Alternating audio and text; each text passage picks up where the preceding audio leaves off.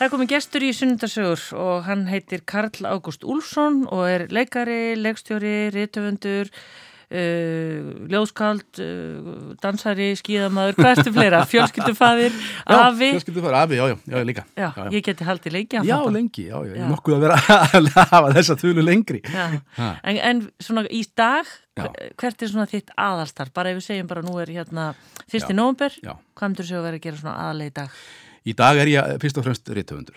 En það er vegna þess að ég var að, að, sko, að frumsýna leiksýningu í Keflavík bara fyrir fjórum dögum sko. Eh, sem, sem ég var að leikstýra.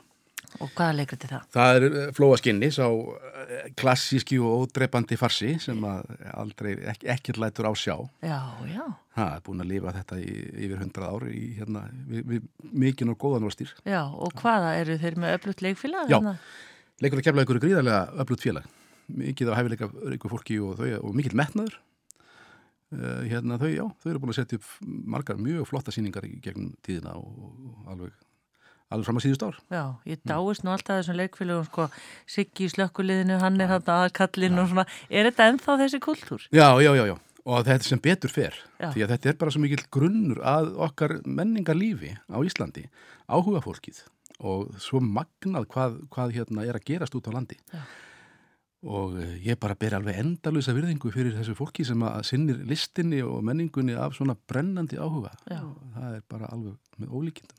Og eftir langan kannski vinnudag og já, já, mætir það bara á æfingar og... Já, ég hef verið svo heppin að ég fengið að kenna í leiklistaskóla bandalags íslenskar leikfélaga í þó nokkur ár. Það er mjög metnaða fullu skóli sem að er starrættur tíu daga á sumri, einhver staðar í svona á heima vist út á landi Já það sem unnið er bara eh, hérna, eh, bara út í eitt þetta er bara 10 upp í 14-16 tíma sólareng við að eh, læra og skapa. Og það er bara, þetta er alltaf endur nærandi að koma þarna hverju sumri og fá að taka þátt í þessu magnaða starfi. Já, þetta væri náttúrulega eins og ég segi þetta gengi ekki nema allt þetta fólk sem er tilbúið í þetta. Nei, það er mikið rétt. Út um alland já. Karl Ágúst, ef við bara að vind okkur í þetta? Hvað er hérna, hvar líka rætunda þínar? Það er líka nú vitt og breytt. Sjálfur nú fættur í, í Reykjavík og, hérna, og alveg upp að, að hluta til að mista kosti í lauganessinu. Það sem afi minn og amma voru bændur. Og, eh, Hvað er það núna? Það er núna það sem að brekkulækur er, gatan brekkulækur. Uh, þar stóð bærin þeirra Já. og uh, þau voru nú að mestu hægt að búa þegar ég svona, fyrir að mun eftir mér að samt var afinu með rollur þarna í í kofa e, við hliðina húsinu. Við erum að tala um hann er fættu fyrir 1957, góður hlustutur. já, já, já, já. Þá var, voru ennþá til bíli í Reykjavík. Já, já. já. Og, hérna, og hvernig, hvað sér, hvaða dýr voru þau með? Afi var nú mikill, mikill rollukall. Já. En hann var svona, samt sem áður, hann prófaði allt. Og hérna, hann, hann prófaði sko, hérna, að vera með hænsni og kýr og, og hérna, og og líka var hann með hérna dúfur og, og, og, og mér að segja revi ef ég mann rétt Já, eða eitthvað svona minga þetta var allavega, þetta var hérna hann, hann var svona eh, tilhörnamaður en, en, en, en sko söðfíð átti nú hugansallan þannig hann var allatíð alveg bara fram í andlatið mikil, mikil rótlukall þegar að, hérna uh, eh, fjárið sem þurfti að vikja fyrir nýja skipulagi þá flutta hann sig inn í Blessugróf með, með hérna, var þar í, með hérna, fyrir í húsi. Þannig að þetta var alla, alla tíð. Já, og varstu, sem sagt, ólstu upp hjá þeim? Eða? Já, hluta, já. já. já. Sko, pappa og mamma voru nú uh, kornund fólk þegar ég fættist, voru nú bara táningarrindar. Þannig að, að hérna, og byggu heima hjá ömmu þegar ég fæðist og, og hérna, en svo er ég nú hætti hvað ég tekja tryggjára þegar þau flytja eitthvað annað og, og áttúrulega með mig en ég var mjög mikið hjá þeim, hjá afömmu og þetta uh, ungt fólk á þessum árum þurfti að vinna mikið til þess að hafa onni sig á og uh, ég átti alltaf atkvar þarna Já, frábært, ríkur já, já. að því leiti og þau mm. auðvitað að hafa þig en, en sískinni áttu, áttu Svo ég tvær sístur já sem að báður eru yngre ég fimm árum og sjú árum yngri Já, verður það eitthvað í leiklistinni? Nei Ekki neitt. Nei, þú tekið það alveg sviðið. Ég einhvern veginn bara eignaði mig það, já. já. Fekk að eiga það bara óskipt. Já, en hvernig stráku var Karl Ágúst fyrir utan að það að vera í gúmistífulónum og í sveitinni hjá M.O.A. í, mm. í bænum?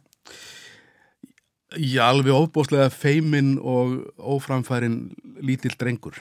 Hm. Bara? Já, það var, það var bara þannig ég, þannig sé ég sjálfa mig sem barn Eitthvað sem að var erfitt þegar þú byrjar í skóla og svona? Nei, ekki, ekki segja mann eftir nei, nei, eh, en, en svona einhvern veginn, ég hafði mig lítið í frammi átti reyndar mjög góða vini og, og uh, gekk svona bröðsótt í skóla framan af. Svona fyrstu 2-3 árin. Já, þá eiginlega vissi ég ekkert út á hvað þetta gekk. Ég bara skildi ekkert hvað ég var að gera í skóla. Mjög setna að læra að lesa og, og, og, og var, var, var hérna svona hæglæs og er það reyndar ennþá. En, en hérna það var ekki fyrir en að við fluttum síðan upp í Mósfells sveit sem að þá hétt þegar ég er tíra gammal allt í nú skildi ég skólan já, skildi hvaða erindi ég átti þangað fór að hafa gaman af ákveðnum námsgreinum, biblíusögum sérstaklega alveg, alveg sko sökti mér í þær já. Sko, nú einmitt umræðin í já. um, búið að taka þetta frá okkur. akkurat, já, já, það, ég hef ekki viljað missa því Nei, einmitt. en þetta voru náttúrulega bara sögur. Þetta voru bara sögur Já. og það, og það er náttúrulega auðvitað er það líkillin Já, bæði, bæði hérna bæði biblíusögurnar og svo Íslandsagan sem þá var kent sem að var í raun og veru svolítið bara mikil, mikil kensla í Íslendingasögunum. Við vorum bara að læra um, um Skarpíðun og Njál og Egil og Gísla Súrsson og, og þetta, þetta kappa líð allt saman. Já. þetta algjörlega þetta, ég fjall fyrir þessu. Af því náttúrulega þetta eru sögur, þetta eru sögur af fólki. Já, og þókuðust þá einhverjunnar upp. já, Já. við gerum það, já, bara mjög hratt Já, Já. og varst þú nördin í bara? Já, það liggur við, já, það liggur við, þess vegna ég held ég við verið svona alveg komist, komist að, alveg mjög nála því. Já, einmitt. Og líkur þá gagfræðaprófi í Mosó, eða? Já, sem þá hétt landspróf. Ég byrjaði sem sagt í, í gagfræðaskóla í Brúalandi, sem að stendur þarna við Vesturlandsvegin, gammalt hús, Já, og var þá pínu lítill skóli. Uh, við vorum bara að fá í, í, í, í bekk. komið bara í rútu eða? Nei, ég bjónum svo nálat Brúalandi, ég, ég, það var nú í göngufæri. Já. Og síðan er, er gagfræðaskóli Mosfellsbæjar stopnaður þegar að ég er að klára landsprófs árið mitt er ég þá í, í nýju húsnæði og við vorum, ef ég mann rétt, átta í bekk sem að lukum landsprófi þetta ár. já. Hvernig var, af því ég er nú svo miklu yngri en þú, Já, já. en landsprófið, var Já. það bara svona eins og samröndiprófið, eða? Já, það var auðvitað samrænt próf, já. Það var próf sem allir, hérna, uh, allir nefndu tóku Já, upp úr uh, hérna, þessum, þessum ungli, unglingadeild sem þá hétt gagfræðaskóli. En það var þetta að fara tvær leiðir. Það var þetta að ljúka uh, unglingadeildinni á þremur árum og taka landspróf eða fjórum árum og taka gagfræðapróf. Og þú vildi landsprófið. Já, ég veit, já, það var einhvern veginn, sko, þetta var alltaf breytast á þessum tíma, en, en þarna var uh, lítið þannig á að ef maður alltaf sér í mentaskóla, þá þyrfti maður að taka landspróf. Já, En að vísu dugði, að, dugði, að vísu var, var, sko, voru gagfræðingar líka teknir inn í, í mentaskóla, en þetta var einhvern veginn samt, hefðin var orðin svo og kannski voru reglundar einhvern tíma þannig að, eða svona aðgangskortið að mentaskóla væri landsprófið. Erstu búin að ákvæða þá í hvaða mentaskóla eða, eða bara yfir höfuð að halda áfram námi? Já, ég var búin að ákveða það. Það kvarlaði eiginlega ekkert að mér annað en að, að fara í mentaskóla. Nei, orðin svo svakalega flinkur að læra Já, og, svona líka, svona líka. og hvaða skóli var fyrir valinu? Það var, það var MH. Já. Já. Þar var ég, já, vísu, var ég einn, einn vetur í, hérna, í það sem þá hétti vörðuskóli. Þar var mentadild sem tilherði eh, mentaskóli með tjöndina. Það var orðið greinlega eitthvað svona, hérna, vandraða, svona erfið, erfið, erfið, hvað ég segja, erfið að koma öllum fyrir í þessum mentaskólum sem til voru í landinu. Þannig að það var svona verið að, þetta var svona einhver, held ég einhver svona já, búa til þarna þessa mentadild. Þar var ég einn vetur en færði mig svo yfir í MH. já. Og hvernig, hérna, varstu þá undirbúaði fyrir fyrsta ári? Nei, nei, nei, nei, nei þetta- ég var bara, þetta var bara fyrst í bekkur í mentó. Já, já, Já, já. Hvað hérna, og er það leiklistinn eða svona, hvað ég var að segja, svona flóranöll í MH sem tógar eða hvað? Já, ég þekkti tölu, já, ég þekkti svolítið að fólki í, í MH og, og mér langaði til þess að, að vera nála tví fólki. Og um, Er það einhverju sem eru vinniðin en þá í dag? já, það er fólk sem ég þekki að þá sund, sund að því. Já, sýta uppi með þig. Já, já, já, já, einmitt, algjörlega, já, Já. já, og, og sum, sumar, su- su- sumir af mínum bestu vinnum Já, eins og hverju, nefndu okkur eitt, tvo. til dæmis, hún Erla Skúladóttir hérna, leikstjóri sem býr núna í New York Já, sem var hér um árabil í útvarpinu. var hérna í útvarpinu í mörg ár, já. Já, já, Ragnhildur Tryggvadóttir, Já. framkvæmdastjóri Rittvöndasambands Íslands, mikil vinkona mín og góð og Já. hefur verið alla tíð. já, varstu svona áttur svona stelpu? Já, vinkonu? já, já, ég átti mjög góðar, góðar vinkonur, Já, já, alveg ofsalega. Og til dæmis bara, að- fyrst ég nefni tvær f- að- frábæru konur, þá hérna, þá legði ég með þeim báðum á tímabili, en ekki, ekki á sama tíma, í sikkur lei. já, já, Já, þannig að við deildum húsnæði eftir að við útskrifuðumst úr, úr mentaskóla. já, og þá um eitt hugsa maður hvernig var nú ástandi á leigumarkaðinu þá? Það var, það var allt í lagi. Já, Ha, það var skárin í dag. Ég, það var miklu, miklu skárin í dag. Ég, ég, mér er rátt hugsað til þess að, að hérna, ungt fólk í háskólanámi gætt leikt sér alveg þokkalett húsnæði í kannski miðbæri Reykjavíkur og, og réði við það. Já, í dag einhvern veginn verður bara virkilega að hafa einhverja rosa tekjur til að Já, ráða við já, það eða einhvern pening. Já, Já, já. já. Það var auðvitað, auðvitað voru blankheit og, og, já, já, og, og þetta, þetta var ströggl en allt saman uh, viðræðanlegt. Já, ummitt. Og voru mentaskóla árin skemmtileg? Voru það að leysa livskátuna þannig dag eftir dag? Já, það gerðum við að sjálfsögðu. Já. Það er náttúrulega var gríðarlega mikil pólitísk umræða í MH á þessum tíma eh, og hérna mm, við tókum mjög virkan þátt í pólitískri umræðu í landinu bara. Já, Uh, skiptum okkur heilmikið af þjóðmálum. Og það er annað sem hefur breyst svolítið. Já, er, það ekki? Jú, Jú, ég hef, hef það á tilfinningu. miður. Já, já. Mikil, mikið um málfundi, alls konar uh, umræður og, og fræðslufundi um hinn og þessi heimsmál og þetta fannst mér mjög heillandi og tók þátt í þessu.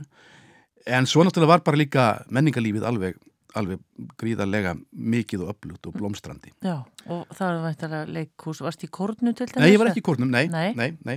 Það var alltaf þessi skemmtilegi rígur á milli leikvilasins og kórsins sem að hérna ég skildi nú aldrei af hverju var en það var samt einhvern veginn til staðar eitthvað svona tortrygni á báða bóa og hérna og ég, það, mér skilst að það sé jafnvel eimi eftir því ennþá Já, en nei, ég var ekki í kórnum. Uh, þó ég, þó ég hérna, sé mikil aðdáðandi kórsin finnst það frábær. Og, og haldir alveg lægi, veit ég. Já, já, svona á, gó, á góðum degi. En hvað var verið að setja upp hérna á leikuleginu? Erum við að tala Eh, um bara einhver... Já, það var hérna á fyrsta veturinn minn í, í, í hamraliðinni þá settum við upp uh, gísl uh, írst, írst verk írst, írst leikrit með söngvum Já. eftir Brendan Behan, Já, já, mjög pólitist verk. Vá, já, já, stort og mikið já. Það var nú ekki verið mikið lært þá. Nei, og veistu það, ég hérna þegar ég horfið nú yfir mín mentaskóla ár þá, þá hérna þá satt nú námið oftast á hakanum Já, Hmm. já, já. Þetta slugsaðist svona en, Já, já, en og maður var að sáttu við það að svona einhvern veginn að- slettast í gegnum þetta á, bara meðan það var gaman Já, einmitt. En Karl Ágúst, varstu þarna búin að einhvern veginn að hugsa, já, eitthvað í tengslum við leiklist? Já, já, ég var, ég, var, ég held ég hafi verið cirka 15 ára þegar ég svona fyrsta lagi áttaði mig á því að þetta væri alveg raunhafu möguleiki að verða leikari að maður geti hugsanlega unni við það að leika á leiksviði. Þetta sagði feimni drengurinn sem þóði ekki að tala bara Já, já, já, fyrir tíu ára. já, akkurat, akkurat. Og það, það urðu held ég stór kvörf hjá mér í, í lífinu þegar að, að uh, mín sko, frábæri barnakennari Áskirður Jónsdóttir setti mig á svið einlega nauðugan í fyrsta skipti og það opnaðist einhver, bara einhver nýr heimur. Já. Hvað erstu gammal það? Þá er ég tíu ára. Þá þurfti bara Karl Ágúst að standa upp á sviði Já, já. og, Fá svolítið sterkur ljós framann í sig, já, fá að fá aðeins að mála sig í framann og setja lopa húu já, og hérna, og það var, það gerðist eitthvað. Það var eitthvað sem ég, ég- var eitthvað sem ég held bara að ég gæti aldrei gert. Því ég var auðvitað búin að horfa á einhverja skólaskemtanir og svona og fannst já, já, þetta er nú svolítið magnað að einhver, einhver, einhver þóri að fara upp á svið og tala svona hátt og þykjast verið einhver annar en hann er og svo framvegis, sko. En, en það algjörlega, En þarna sáðum fræginu. Já, hún gerði það. Já, Já, ég er, ég er henni endalust þakkláttur fyrir það og, og, hérna, og fyrir utan það að vera einhver besti kennari sem ég hef haft um dagana, þá, þá gerði hún þetta fyrir mig. Já, einmitt. Þannig að þegar þú ert í MH, öllu þessu leiklistastúsi, þá ert alltaf að stefna það að þú allir í leiklistarnum. Já, já, í raun og veru. Ég let kvarla að mér náttúrulega ímislegt annað, en, en þetta var samt svona það sem alltaf satt í mér sem, sem, sem svona fyrsta val. Þá er þetta leiklistaskólin, þá er þetta ekki orðið listaháskóli. Já, leiklistaskóli Íslands. Já. Já. Og, er þá indugupróparum leið og búið með stúdusbróð? Já, þá, við, þá ég er svona lús heppin sko að, að það hefði ekki, sko, þá, þá er skólinn algjörlega nýstofnaður og það hefur aldrei verið tekið inn í hann.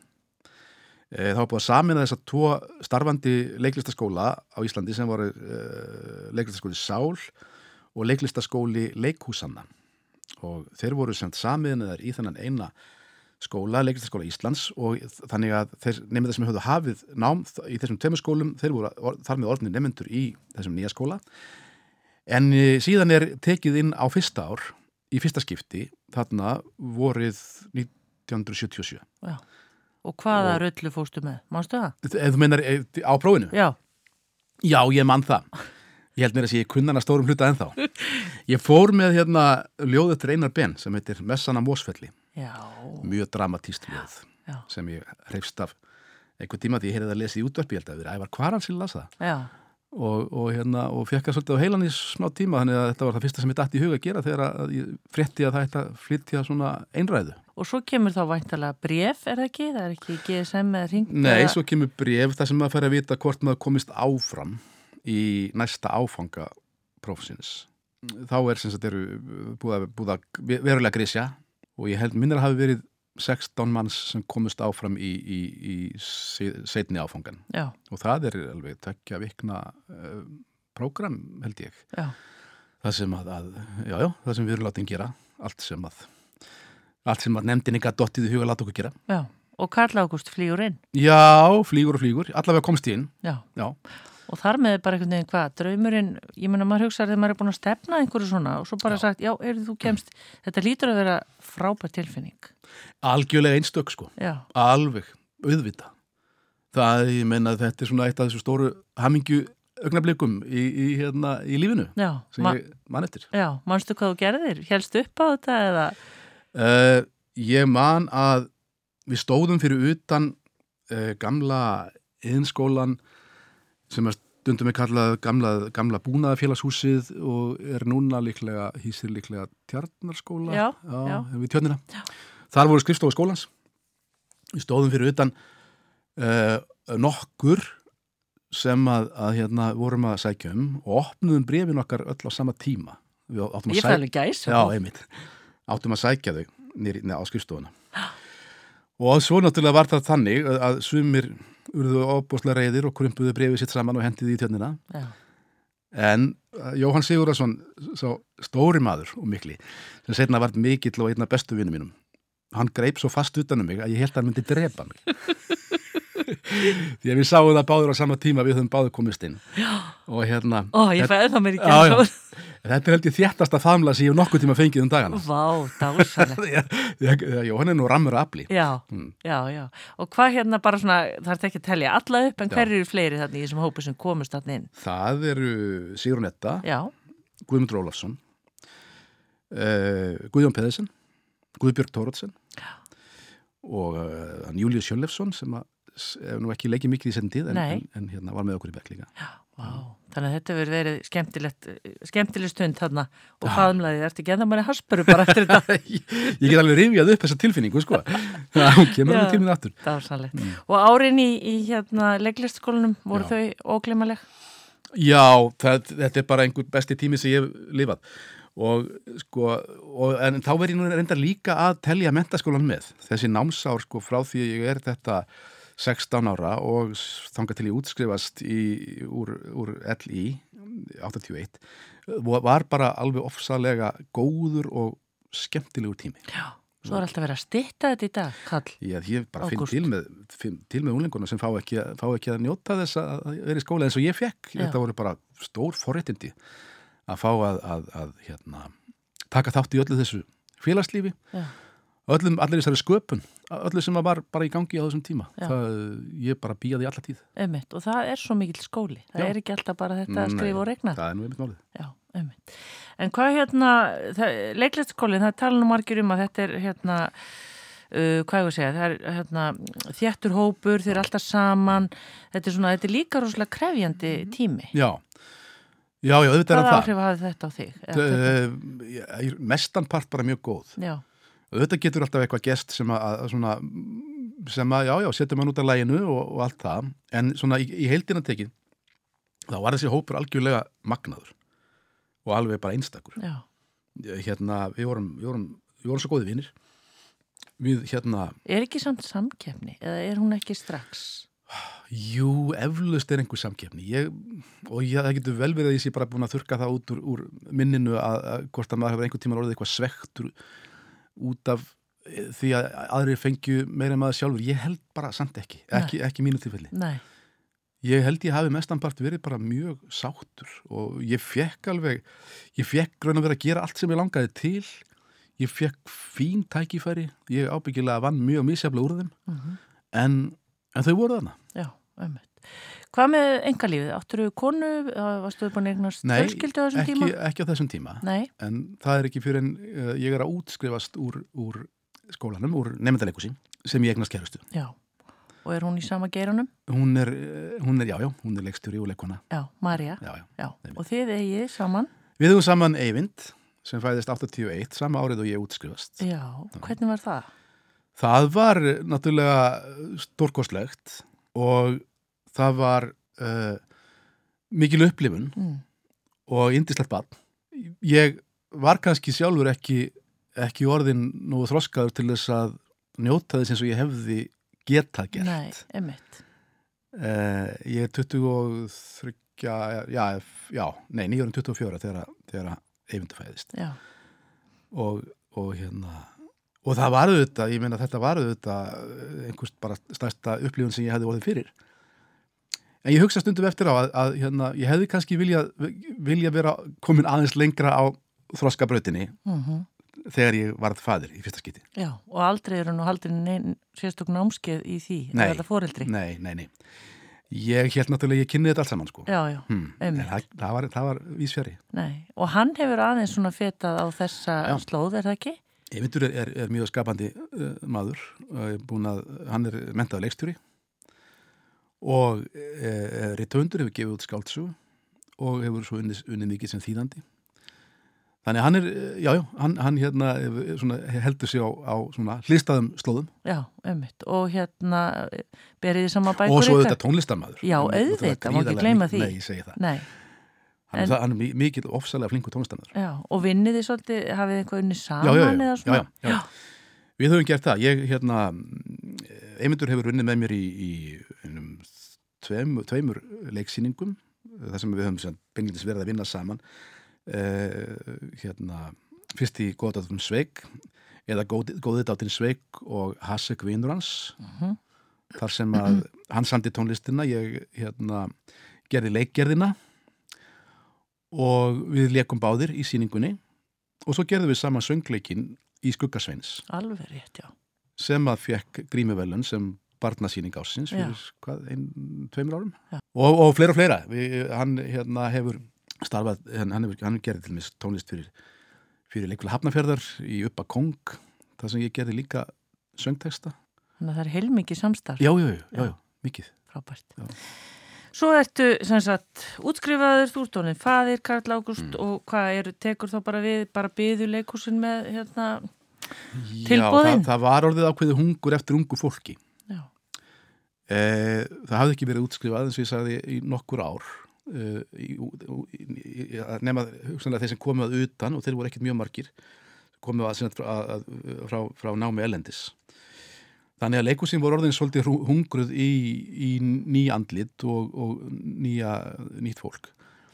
Þannig að já, ég vil bara segja það ég fekk mikið að gera til að byrja með. já, festur ekki á einum stað, varstu meira, Ég var, jú, ég byrjaði, byrjaði uh, hjá leikfélag Reykjavíkur sem þá var í þinn uh, á því að leika þar nokkur hlutverk. Fyrsta hlutverk kemur þar var risa hlutverk í, í hérna miklu, miklu drama eftir Jútsin og Níl undir álminum, það sem ég fekk að leika móti móti átrúnaða góðunum mínur Gísla Haldósinni. Já, vá, það er nú ekki hægt að komast lengra, sko. Nei, það var náttúrulega bara sem, sem fyrsta skref í, fyrir, fyrir ungan mann, það var það náttúrulega alveg ótrúlega, Já. ótrúlega upplöðun. Býtu þetta er 1981, 81. já, Já. einmitt, og þá er þetta leikulegi bara nýra á tjötninni og Já, já. brakandi í gólfunum og Já, já, allt og, þetta. og, og flóði í kjallarannum þegar það var stórstremt.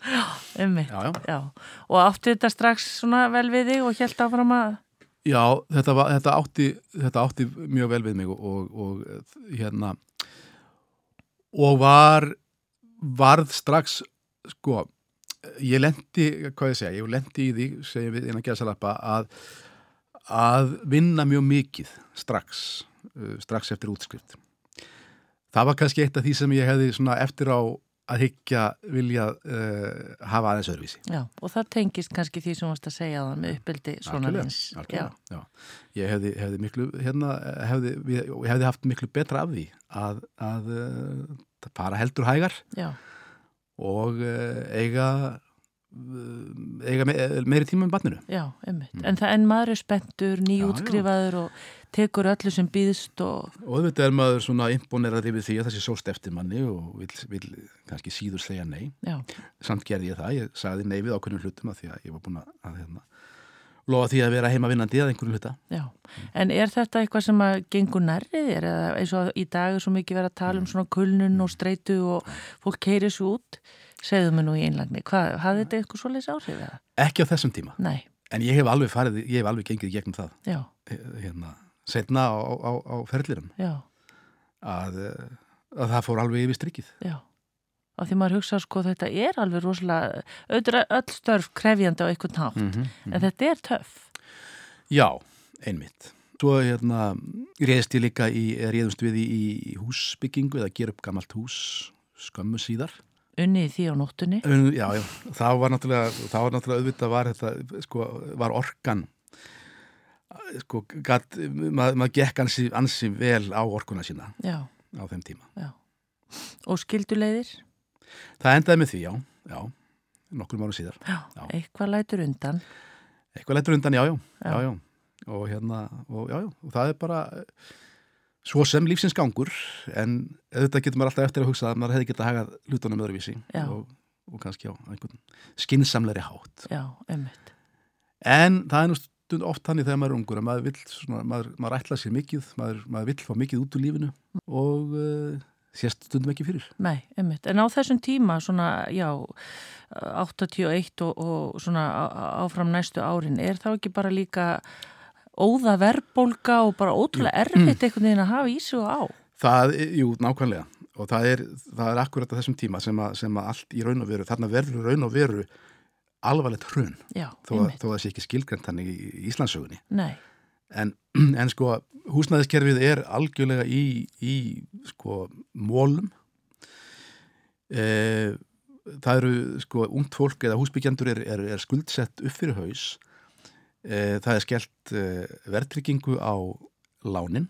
Einhver fekk þá briljant hugmynd. Og í kjölfarið þá ríkur verðbólgan upp fyrir 100% þannig að við horfum á lánin okkar hækka frá degi til dags og það getur engin röndu reist. Nei, og stjórnvöld bara skilja ekki þetta væl. Og það er auðvitað þarna í þessu, á, á þessu tífambili það sem að, það sem að, jú, að fjöldi fólks uh, bara býður skada á, á sál og líkama já, og fjöldi hjónabanda fyrir í, í súgin. einmitt. Og manni finnst stundum, Karl Ágúst, það er bara ekki óslega mikið talað um þetta tímabil. Nei. Við erum svolítið upptökinu auðvitað þessu alvarlega sem að gerðist hérna Já, já. eh, hérna fyrir ekki dómörgum áru síðan en þetta tíðanbila, því ég hérna átti líka fóreldra sem voru að byggja hús og þetta var, Já, við tölum ekki nóg mikið um þetta eða höfum ekki gert. nei, þetta var, nei, einmitt, þetta var, þetta var í raun og veru mjög alvarleg remming sem að sem fólk, ungt fólk og fólk svona uppundi miðan aldur var að lenda í akkurat á þessum árum. Já, einmitt.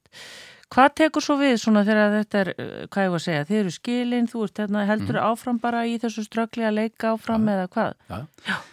Það þurfti að halda áfram að borga reikning. Já, það var einhvern veginn ekki, maður gæti ekki tekið sér neinar pásur frá því. Nei, Já, já, ég, ég held áfram bara með, með minn feril og, og ég leik þarna töluvert hjá, hjá leikfélaginu og síðan upp í þjóðleikhúsi þegar mér er bóðið þangað að þá, þá hérna, og mér að segja á báðum stöðum í einhverju leikárin var ég að leika í síningum bæði í þjóðleikúsinu og yðnú mm. og, og þannig er líka þannig er að stopna sjálfstæðleikhús, alþjóðleikhús síðar mjög upplugt á þessum tíma og ég leik með því líka Já.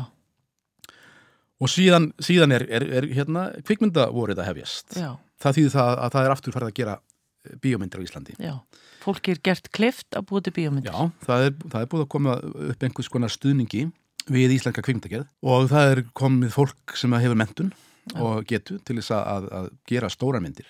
Svo að það eru þarna nokkur ofurhugar sem var júka til og það var, það var eftir að gera svona þetta kannski tvær, þrjár myndir á ári og, og þarna eru frumkvöðlar eins og Ágúst Guðmundsson og, og Ramm Gunnlaugsson, Þráan Bertilsson og, hérna, og Kristinn Jóhansdóttir. Já þetta er fólk sem að, að, að hérna, sem að hefur kjark til þess að, að hérna, ganga í þetta verkefni. Já, ummitt og strax, eh, strax sumarið sem ég útskrifast úr skólanum þá, þá er leikið í tveimur bíamöndum það vísu örsmá hlutverki báðum annað þó sínusmerra sem er ingjaldsfýblið í, í, hérna, í útlaganum. Hver manni gæti því? Já, ég segi það.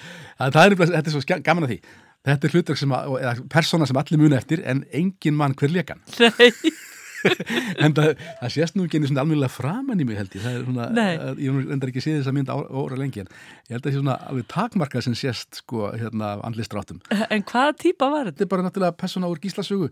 Og hérna og, og við unnum hérna einhverja smá forvinnu, ég og Ágúst Guðmundsson sem að leikstir í myndinni uh, með þessa persónu og svo bara rokið í tökur. Já Og þann, þannig varst allt í einu kvikmyndarleikari? Allt í einu, já. já. Og sama sumar leiki sundluðavörðin í, í hérna, Jóni Otti og Jóni Bjarnar, sóðarlega sundluðavörðin. Og þá takast kynni með okkur þráni Bertelsinni. Þannig að þegar hann síðan ákveður að gera næstu minn, nýtt líf, þá hefur hann samband við mig og býður mér þetta annað aðalutverk. Og ég gætt tekið því, að vísu með, með smá, þetta var, þetta var smá flækja því að ég var að leika í einhverju síningu í þennu á sama tíma en, en myndi maður tekinn upp í vestmanniðum þannig að ég þurfti að fara milli í hverju viku. Það var ekki eins öðvöld á í dag? Það var ekki, ekki sérstaklega öðvöld og ég var sem sagt, ég gerði þann samningu framlegandan að ég myndi fljúa á milli en ef ekki væri fljúveður þá tæk ég herjólf og það var á þessu fimm veikna tímabili var einu sinni flóið frá eigum. Svaka dýl. Þannig að ég eitti laungum stundum í herjólfi á þessum tíma. Já. En þessi mynd, Já. hún sko, ég menna, hver, þetta var bara eitthvað alveg nýtt. Við Já, bara... þetta var kannski fyrsta svona hreinræktaða gamanmyndin sem allavega já, í þess, þessari törn. Já, ummitt. Og var með, ég menna, hvernig fannst þér svona einhvern veginn að vera búin að, allt í hún fann að leika fyrir svona myndavillina? Var þetta allt öðruvísi heldur en leikúsið? Já, já og nei. Sko, jú, jú, auðvitað er það allt, allt þetta er önnur, fyrsta legi önnur tækni, önnur leiktækni og svo auðvitað allt, ég meina, vinnubröðin allt önnur. Eh, ekki þess að þetta langa æfingaferli og, og síðan, síðan frumsýning og svo bara leikið eins og, eins og, eins og gerist í leikúsinu heldur, heldur verið að vinna þetta smátt og smátt og ekki endil í réttri röð og allavega. En, en, þessi, en þetta var mikil upplifun og gríðarlega mikil og þetta var í raun og veru sko, saga þessara myndar eh, er eiginlega alveg stór merkileg vegna þess að þannig að mætir bara tökku lið eh, til vestmanlega Og, í eh, fristuhúsið bara? Í fristuhúsið, já. já, bara veðurinn í fristuhúsið byrjar að taka upp bíómynd. Sko, þetta er náttúrulega fyrstulega, ég er aldrei leift í dag, heilbriðis hérna, og hreinlættiskröfur voru svo mörgum sem við strangari heldur en voru á þessum tíma. Já. Og svo bara var þetta, sko, þetta var uh, eiginlega, við vorum þarna bara alltaf mætt inn á gólf, byrjuð að taka og svo var bara við að kippa fólki að færiböndunum til að leika lítið hlutverk uh, ef áþurft að halda. Já þannig að og, og, og allt, sem að, allt sem að var sko notað í, í hérna myndina var, var eiginlega bara fengið á staðnum, þetta var eiginlega svona dogmamynd sko löngu löngu áður en að það hugtak varð til í, í kvikmyndafræðunum. Já, dásan, ég verði eiginlega að rifja hvað er þetta, er þetta inn á einhverju, einhverju leigunni eða hvað? Ég, já, já, það held ég ábyggilega. Já öruglega. Já. Fyrsta heitir Nýtt líf, Nýtt líf svo, kemur... svo kemur Dalalíf sem var gerð sumar eftir Já. og svo Löggulíf. Og þetta voru, þetta voru þrjú ári röð sem, að, sem að voru skotnar þessa myndir. Já. Við viljum að taka örstu tlénuna, Karl Ágúst Úlfsson er gestur minn hér í Sunnundasögum og við erum að, hérna, svona, við erum að fara á flegi ferði yfir, yfir líf hans og starf, farði ekki langt fáum nokkru auðlýsingar Karl August Úlsson er gestur minn hér í Sundasögum og við vorum að tala um uh, bíómyndirnar þrjár sem voru hérna í þrjú ári röð. Já. Það hefur verið nóg að gera hjá þér þetta. Já, já, já, já þetta var... Og þú varst náttúrulega bara heimsfrægur á hérna svipstundu. Já, allir það ekki. Já. Því að það má margt segja gott um leikúsið en einhvern veginn bíómyndirnar ná kannski til svona breyðri hóps. Já, og á þessum tíma náttúrulega líka var, sko, aðsókna íslensku myndum var náttúrulega einstök. Já. Þannig að þessar myndir fóru í 50.000, 60, 70.000 áhorvendur í bíó sem er, sem er mjög, mjög sérstætt og, og já, var, þetta voru svona, þetta voru, þetta voru stóri smellir. Já, einmitt. Karl, hvena byrjað þú svo sjálfur svona, hvað ég var að segja, að skrifa? Er þetta að þú hefur náttúrulega engan tíma til að gera einn annað en að vera bara að leika þannig á þessu tíma eða hvað? Jú, ég gerði nú ímislegt annað líka. Já, Sko það var, nú, var þá og er ennþá veruleiki íslenska listamanna að þurfa að, að gera eitt og annað. já, Og ég var nú það heppin að ég þurfti kannski að gera fátt sem að mér líkaði ekki. En ég er strax byrjaður að þýða til dæmis og reynda var ég byrjaður að þýða áður en ég var orðin leikari. já. Og, og ég líka, var líka byrjaður að skrifa. Þannig að... að Fór bara að minna fyrir því einhvern veginn. Já, þetta fór hin. minna fyrir því og, og ég var að vinna til dæmis tölvöld mikið fyrir, fyrir hérna e, útvarsleikusið. Já, Þá er Jón Viðar Jónsson uh, uh, leiklistastjóri og hann er svo elskulegur að ráða mig sem, sem leikstjóra og síðan vatt það upp á sig og ég leikstýri tölvöld mikið fyrir útvarpið og, uh, og skrifaði líka uh, leikgerðir að útvarsleikutum. já, Þannig að ég fekk, þannig fekk ég mjög dýrmæta reynslu. já, virkilega og, og, og, og ég var líka farin að, já, já, svo var ég farin að, að hérna, að eh, leikstýra líka hjá áhuga fólki og fleira. Já, það er never a dull moment bara, maður heyrir það alveg. Já, það, er- já, já, það, það, það er það sem er, sem er auðvitað mjög jákvætt en, en, en sko, ég raun og vera ástæðan fyrir því að þetta er, Hark. þetta er hark. Það er ekki, það er ekki miklu peningar í þessu, þetta er ekki velborgað og þegar að fólk er að, að stopna fjölskyldu og, og, og byggja hús og allt það, þá þarf það að, að hafa mikið fyrir því. Já, einmitt. Þú hérna, að þú sagðir að þú upplifir aftur á lífsleiðinni svona, svona streytuða kulnun. Er það á þessum tíma eða er það setna? Nei, það er, það er eiginlega setna. Já, Já, hvað gerist þá? þá fer ég að, að fá svona uh, svima og mér að segja missi meðvutund í nokkuð skipti. Og það gengur illa að finna út úr því hvað þetta er uh, og það er ekki fyrir en fyrir bara fáum árum að, að ég fekk að vita að þetta væri bara í raun og veru eðlileg viðbröð líkamanns við ómiklu álægi, álægi bara hreinlega slá út, bara öryggið hérna, ör, bara hérna legaliðin bara slær út. Já, af því að skrokkurinn segir bara ef þú ætlar ekki að passa því þá skal ég bara sjá til þess að þú getur ekki meir já. Þú ert í rauninni að þýleiti til heppin. já, Í mjög sumir fá svo, ekki svo, svona mjög svo aðurinn. já, já. Er þetta á spöggstofu árunum? já, þetta er já, á meðalans Já, sem við ætlum kannski ekkit endilega eða miklum tími að tala um Karl Ágústaf því að það er svo búið mikið tala um það en Mm. þetta voru samtals hvað mörg ár sko, spöggstofan starfaði sem hópur í 30 ár Þetta er magn sko, hópurinn verður til í kringum árbætasköpið 85 Já. og heldur síðan áfram að vinna e- e- upp úr því gerir sköpið aftur árið eftir og svo stutta sjónvastætti sem héttur spöggstofan en síðan er það síðan 89 sem að, sem að við byrjum með uh, þessa vikulegu þætti. Og þeir halda áfram til 2014 eh, sem, þá erum við reynda búin að skiptum, skiptum sjónvarstöð og, og það hefur líka gert eh, hlje held í tvísvar á, á þessari framleiðslu af ýmsum ástæðum. En ég meina þessi seria er hún, hún, hún tegi sig frá 89 til 2014 Vá, ég bara, maður átta sig ekki á þessu þú segir þetta. Og þetta er bara fyrir þá sem vita að búa til sjónvastátt sem er síndur einu sinni í viku, Karl Ágúst. Það er brjálu vinna. Já. bara fyrir utan allt hitt sko. Já, það er, það er, það er mikil vinna, það er gríðarlega vinna mikið álag og, og, eh, og bara gríðarlega orka sem fer í þetta. Eh, ekki bara að, að leika þetta og skrifa þetta heldur líka bara að hafa, halda utan um allt batterið sem er, sem er heilmikið mál. Já, því að, að það, og það, er, það kom í minn hlut að vera svona verkstjóri þannig að ég, ég átti í raun og veru verið ábyrgur fyrir því að alla deildir fengi að vita hvað, hverja þarfirna væru frá viku til viku hvað við þurftum að gera, hvað við þurftum marga tökustadi, hvar, við, hvar ég óskaði helst eftir að við færum, fengjum að vera svo framins.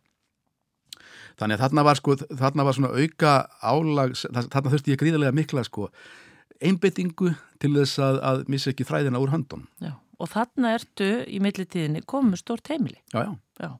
Þú átt orðið hérna konu, Ástís Olsen, mm. -hmm. fyrirhandi konaðinn og þeir eru með fjóra, eða þrjárdætur lengi vel og svo bættist fjórða við. Svo bæti svo fjóraða við 2003, já. Já, og þetta skal nú ekki vannmetið. Nei, reyndi ekki, reyndi ekki.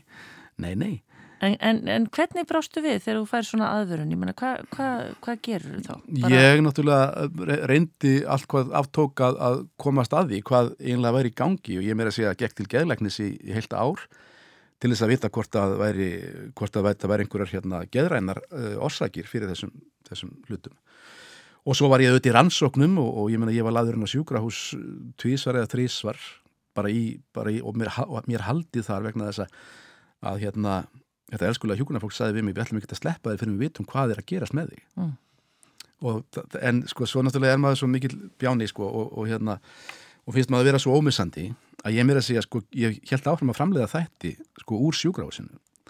og hérna, og eitt þátturinn eh, sem að ég framleitur á þessum tíma er bara meira meira tekin upp á landsbytalan. vegna þess að þar var ég.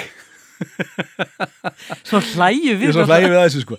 Ég, ég bóði bara félaga mína á vinnufund inn á, sjúk, inn á stofu hjá mér Já. til þess að, að, að, hérna, að bollalegjum næsta þátt. En hérna, já, við sko það, auðvitað hlær maður að þessu vegna þess að þetta kannski varði ekki, hérna, allavega, já, þetta, þetta, þetta varði ekki þó verð en þetta Æ, og svo er nú bara svo margt í lífinu sem maður hefur gott að því að já, hvort sem að það er þykir fyndið eða ekki, sko, í öðru samhengi. já, einmitt. Þið eh, farið hérna til Ameríku. Er það einhver ástæð, eru þið þá á... á Við, við fjölskyldan. Já, Já, já, já. Hvar það- er það í ferlinu? Ertu þarna búin að langaði þið bara að kúpla þið út eða hvað? Nei, sko þið- þetta var nú uh, Ástís hafði mikinn áhuga á því að komast í, í framhansnám Ég dró nú lappirnar í því uh, lengi vel. Já. af því að mér fannst það svolítið óknveikjandi að fara burt frá einhverjum farsælum ferli sem ég væri búin að byggja mér upp og, og hérna væri einlega, þú veist, væri svona á kannski einhverjum svona toppi á svona, og mikill í keislu og, og, og, nýtti mikill að velgengni. Var einhvern veginn smeykur um að það myndi kannski, ég myndi kæmi aftur heim og það væri kulnað í öllum glæðum og fendi í öll spór en, eh, en þegar ég fór að skoða uh, hvað ég myndi þá gera ef að, ef að af þess yrði þá fór ég að reka augun í, í nám í ýmsum háskólum í bandaríkjunum uh, í, í hérna skapandi skrifum og þá engum og sérilagi í leikritun. Og þetta var mikið áhuga mál hjá mér að skrifa leikrit. Ég var enda búin að skrifa eitt leikrit sem að spjókstofan sett upp í, í samverið við þjóðleikúsið í gamla bíói 1990, minni mig, Mhm, sem ég heit Örf og sæti laus. Já, Og náttúrulega búin að skrifa gríðarlega mikið af handritum Já. fyrir sjónvarp. Mér langaði alltaf svo mikið til að skrifa fyrir sviðið. Mér fannst það svo hérna, spennandi. já, Þannig að á endanum let ég tilleiðast og sótti um nokkra skóla uh, í, í bandaríkjunum í, í svona leikritun. Og svo vildi svo vel til að við komumst bæði inn í sama skólan, uh, ég og Ástís, sikkur deildina, og þá einhvern veginn var einsýnt með það. Ég líka fekk uh, gillibóð frá skólanum, þeim buðu mér skólastyrk og, og, og aðstöðakennarastöðu og, og, og þetta svona einhvern veginn allt í einu allt í hennu bara var, var þetta eitthvað sem átti greinlega að gerast. og hvernig áhrif hafið þetta svona á ykkur að kúpla ykkur svona frá öllu og fara að gera eitthvað alveg nýtt? Mjög góð, mjög góð áhrif. Það var ofsalega mikill léttir og ég, ég hef aldrei trúað því að, að koma í þetta ameríska háskóla samfélag og líka mjög heppin með skóla og heppin með staðsendingu að, að og vera allt í orðin svona uh, svona bara einhver meðaljón á göttunni það sem enginn þekkti mig, enginn gerir neinar, neinar væntingar til mín Eh, þú veist, enginn sko þekkti til neins sem ég hafði gert Nei, það er nú ekki að segja með brandar út á einmitt. þannig ég, ég bara einhvern veginn var allt, aftur stattur á einhverju svona byrjunaritt og, og, og þurfti bara þá að sína hvað í mér bjó já. eh, alveg frá, frá byrjun Hvar voru þið? við vorum í Ohio Já. í, í hérna uh, já, Ohio sem, er í borg sem að heitir Athens eða Athena og ég gaf bók fyrir Alveg rétt. nokkurum árum sem hétt Athena, Ohio Já, og það voru sögur það. það eru sögur þaðan Já, einmitt. Já. og hérna, Og hvað var þetta langu tími? við vorum tvö ár Já. Og eftir þetta, ef ég mann rétt, þá fóru bara að koma frá okkur alls konar bækur, svona mannrækta bækur einhverjar. já, Skólabækur og, eða já, við námsbækur. gerðum unnum í sam, samvinnu nokkrar uh, kennslubækur fyrir grunnskóla Já, já. þetta var nú líklega fjall nú allt undir, undir hérna lífsleikni já, En við gerðum bók um, um fjölbreytileikan sem heitir Ég er bara ég. Síðan gerðum við bók sem heitir uh, Kynlega klift og skorið og fjallar um, um, um hérna, um kynjafræði eða sem þetta um, jafnrétti og eða svona, já, vangaveltur um, um, um jafnrétti og, og, og svona hvar, hvar rætur misréttis geta hugsanar leið. Og síðan gerðum við uh, þessa bók sem heitir Kynlíf já, og er fyrir unglinga stíð og er, er hérna, kynfræðslu hluti lífsleiknunar. Já, einmitt. Svo bók sem ég man samt mest eftir, það er gulabókin um haminguna. Það er, já, það er bók sem að við gáum út og sem ég þýtti, uh, meiri hamingja. Hún, hún hafði bara eitthvað neginn, hún var svolítið nýtt eitthvað á Íslandi. Já, ég held það. Ég held að hún hafi, hún, og hún kom líka á mjög góðum tíma fyrir þjóðina. Já, býtu. Hún kom beint ofan í hrunnið. Alveg rétt. Já. Og fyrir marga var þetta greinilega einhvers konar, svona einhver, einhver björgunarhingur. Uh, fólk greip held ég á þessum tíma fegin sendi allir í huggun sem, að, sem að var í bóði. Og þessi bók er feikilega góð. Hún er hérna, uh, hún er bara svona, uh, kennir ákveðnar aðferðir við að gera eru oft á tíðum bara mjög einfaldar og litlar breytingar í lífi sínu sem að hafa samt mikil áhrif. Bara hérna rétt svo að því við tölum um eigindaðan og gerum Mm. ekki upp á milli barnana. bara rétt að stelpunniðinu, það eru sérst fjórar. Já, já, Yngsta heitir, Álfeður. já, Já, hún er núna á fyrsta ári í, í, í MH, já, já, fjóruði MH-ungurinn sem, sem ég sendið þangað. já. Mm. Og síðan er, Svo er hún Brynhildur sem er söngkona hljónstarinnar Hormónar já, og að, er að ljúka núna uh, hérna, námi í, í, á, á Sviðsöfundabraut í Listaháskóla Íslands. já, Svo er það hún Vala, Valgerður Halldórsdóttir sem er stjúdóttir mín. Hún er uh, hérna, förðunar uh, hönnuður og starfar reynd- reyndar aðalega á bar í Oslo en, en hefur unni líka töluvert í, í hérna, ó, ó, norsku óperunni og, og, og svona unni, og kvikmyndir og sjónvastætti út í Norgi. Svo er það Bergþóra Halldórsdóttir sem er lögfræðingur og starfandi núna hjá, hjá hérna, Íslandsstofu. já. Þannig að þetta er stór fjölskelda að hún kemur saman. Já, já, stóra skemmtileg veit, þetta er eh, náttúrulega mín, mín, ég veit að þetta hljómar eins og klísja en samt er þetta svona, já, já, ég segi það bara mín stærsta gæfa í, í lífinu að hafa fengið að eignast öll þessi börn. þú ert konu í dag Já. sem heitir Ágústa. Ágústa. Já, og hún er leikstjóri og Hún er leikstur, já. Já. um hvað talið þið á Viltu gíska? Við tölum aðalegum leikús og mat. Já, Já. emmitt. en hérna, já. En uh, þetta fjölda margt annað. Já, En uh, við erum svo heppin að eiga þetta sameigilega áhugamál og höfum líka unnið gríðarlega mikið saman í, í leikúsinu. já, það er ekkert langt síðan þið settuð upp á Akureyri, var það ekki? Já, við gerðum, það er að segja, Ágústa leikstýrði uh, Gallstinum af að gissa, þar sem ég sandi leikgerð og söngteksta og lék í síningunni. Já, emmitt. Og svo höfum við unnið tölvægt mikið saman bæði í þjóðleikúsinu og, og, og gablarleikúsinu og, og, hérna, og vítt og breytt. Já. Karl Ágúst, áður en við tölum um hérna meðal annars um bókina sem að hérna nýjasta afurðin þín. Mm.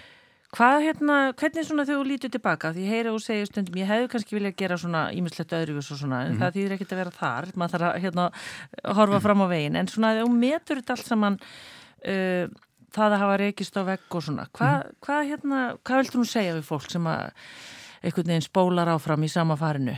Já, ég veit nú ekki hvort ég er þessum komin að gefa fólki merkileg ráð. Nei, en, En- það er ótrúlega algengt að við erum að, Já, hérna, eins og hamstrar já, alla já, daga. já, já, auðvitað. Og það er nú ka- líka það sem maður lærir með árunum að, að þessir verallu hluti skipta svo hverfandi litlu máli. Við hlýðina á þeim sem eru í raunverulega eh, mikilvægir og, og þau raunveruleg verðmæti sem eru í lífinu sem að felast í sambandi við annað fólk og fjölskyldu.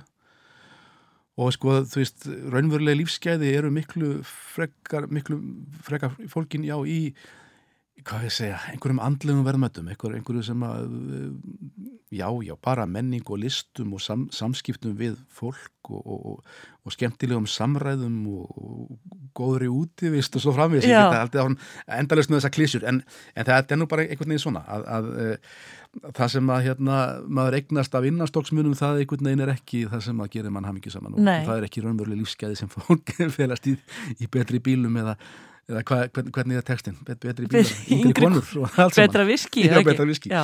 Það er ekki þar. Nei, en, en harkið er samt óþarlega mikið hjá sumum. Harkið er náttúrulega alveg yfirgengilegt Já. og ég bara, þú veist, játa mig sekan í því að, hérna, að hafa uh, gengið allt og langt í því Já, og þannig að bara ef ég, ef ég get, get ráðlagt ungu fólki eitthvað þá er bara, þú veist, þá held ég að hérna, við getum alveg, megum alveg hæ- hægja aðeins á okkur í lífskeða kaplöpinu. já, emmi. Það er í dag orðið eins og fyrir ungt fólk sem er að feta sig áfram Já. til dæla auðvelt að koma sér á framfæri í dag. Þú Mhm. getur bara gert YouTube-myndband eða eitthvað slíkt. Hefur vilja hafa það þannig í, í þá daga? Mm, Ég veit það ekki. Ég- Sko, nei, það er ekki, það er ekkit sem ég sakna úr, úr, úr, mínu, af, hérna, úr mínu lífi. Nei, ég, mér fannst margt svo miklu einfaldara hérna í eina tíð Já, og, og það er, mér þykir vænt um það. já, Mér þykir, mér þykir vænt um einfaldleikan. já, auðvitað.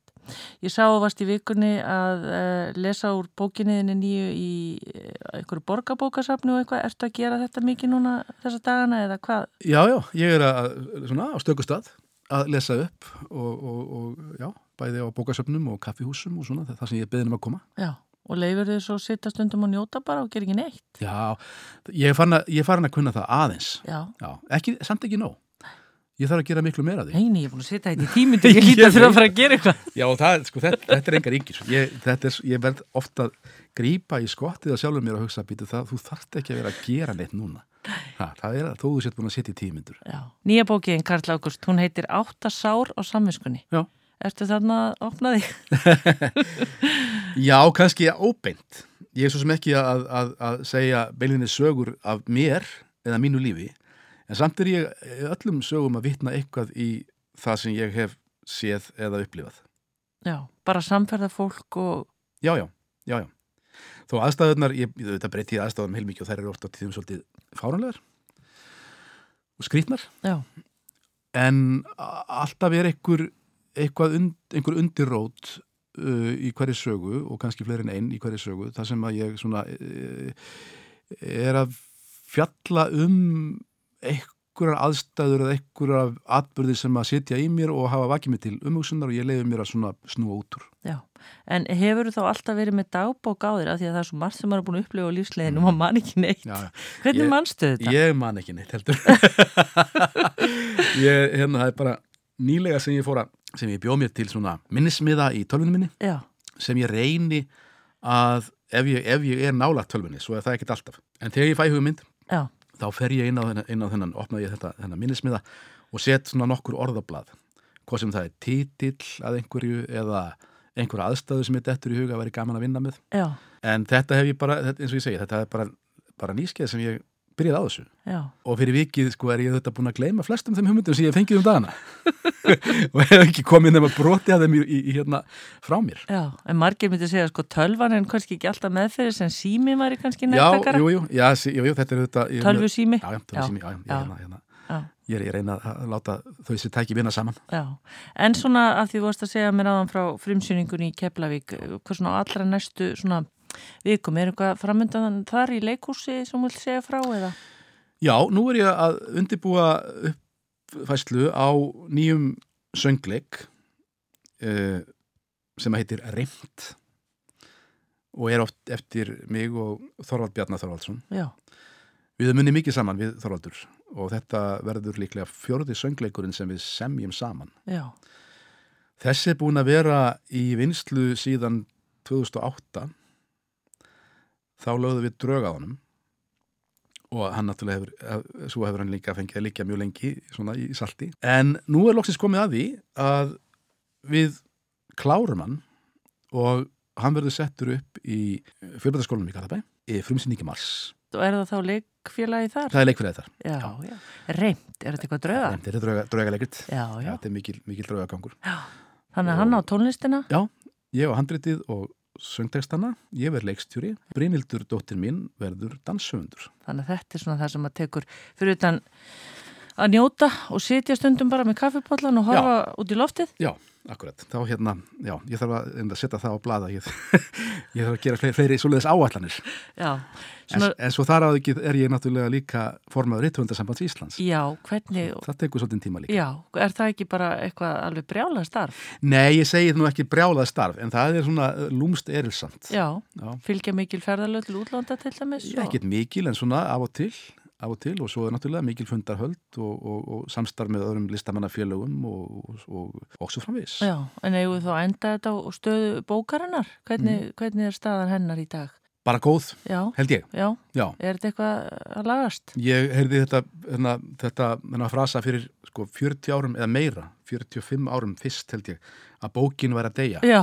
Og það hefur ekki gæst ennþá og uh, við erum ennþá að skrifa bækur Það, það er að vera alls konar formbreytingar, það er að hljóðbókin er að riðast í rúms, rafbókin er að koma inn líka, en ég menna bókin lífir alltaf og hún áttir að gera það um, um ókomna tíð því ég hef engar á að gera bókinni. Nei, og allavega með núna útgáfu, það er bara ótrúlega margi spennandi hlutir í gangi. Já, og fólk heldur áhrifum að kaupa og lesa og, og, og sína áhuga á bókmyndum, Já. sem er stórkostlegt. Við Já. erum eiginlega bara frábær þjóð þegar allt kemur til alls. Já. Endum þetta þessum frábæri orðum. Takk fyrir komuna Karl Ágúst Úlfum. Takk sem leiðis. Frettir að baki og það er komin gestur í sundarsögur og hún heitir Björg Guðrún Gísladóttir. Velkomin. Takk fyrir.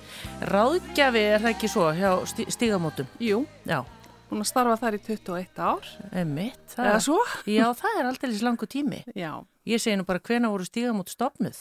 Þau voru stopnuð formlega 1990, 8. mars Já. á alþjóðlegum baráttu degi hvenna. Einmitt, þannig að þú ert búin að vinna aðeins kemur en það, en ekki Í... mikið, en okkur ár, fimm ár mm, kannski? Sko, ég kom fyrst til stígamóta 92 og þá sagt, kom ég eitt við tal og fór fljótlega svo í sjálfsjálfar-hóp og síðan fór ég bara að vera með hópa og var eh, leiti sjálfsjálfarhópa þanga til 98 þegar ég var áðin eins er ágjafi. Já, ummitt, vá. En þetta Já. er langu tími? Þetta er mjög langu tími. Já, ummitt. Uh, Björg, þú, ég var með þetta sko þegar ég var að googla þig og lesa núna bókina henni sem er nýkomin út og heitir Skuggasól mm. þá hérna er mjög mikið skrifað um bókina henni sem kom hérna fyrir komörgum árum, hljóðin í nóttinni Fimm ár Fimm ár síðan mm -hmm.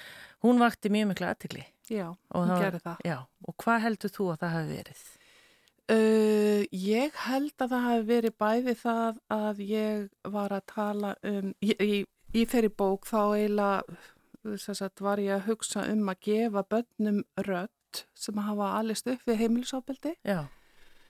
Og uh, ég var líka að uh, tala um viðhorf uh, kennara sem, að, sem, var, sem, sem kendi mér þegar ég var í grunnskóla. Já.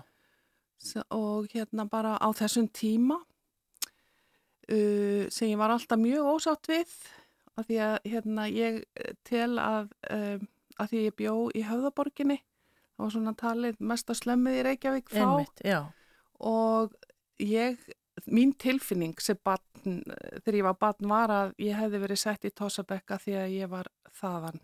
Veist, þannig að hérna Þannig að þetta svona íðiði upp svona eitthvað?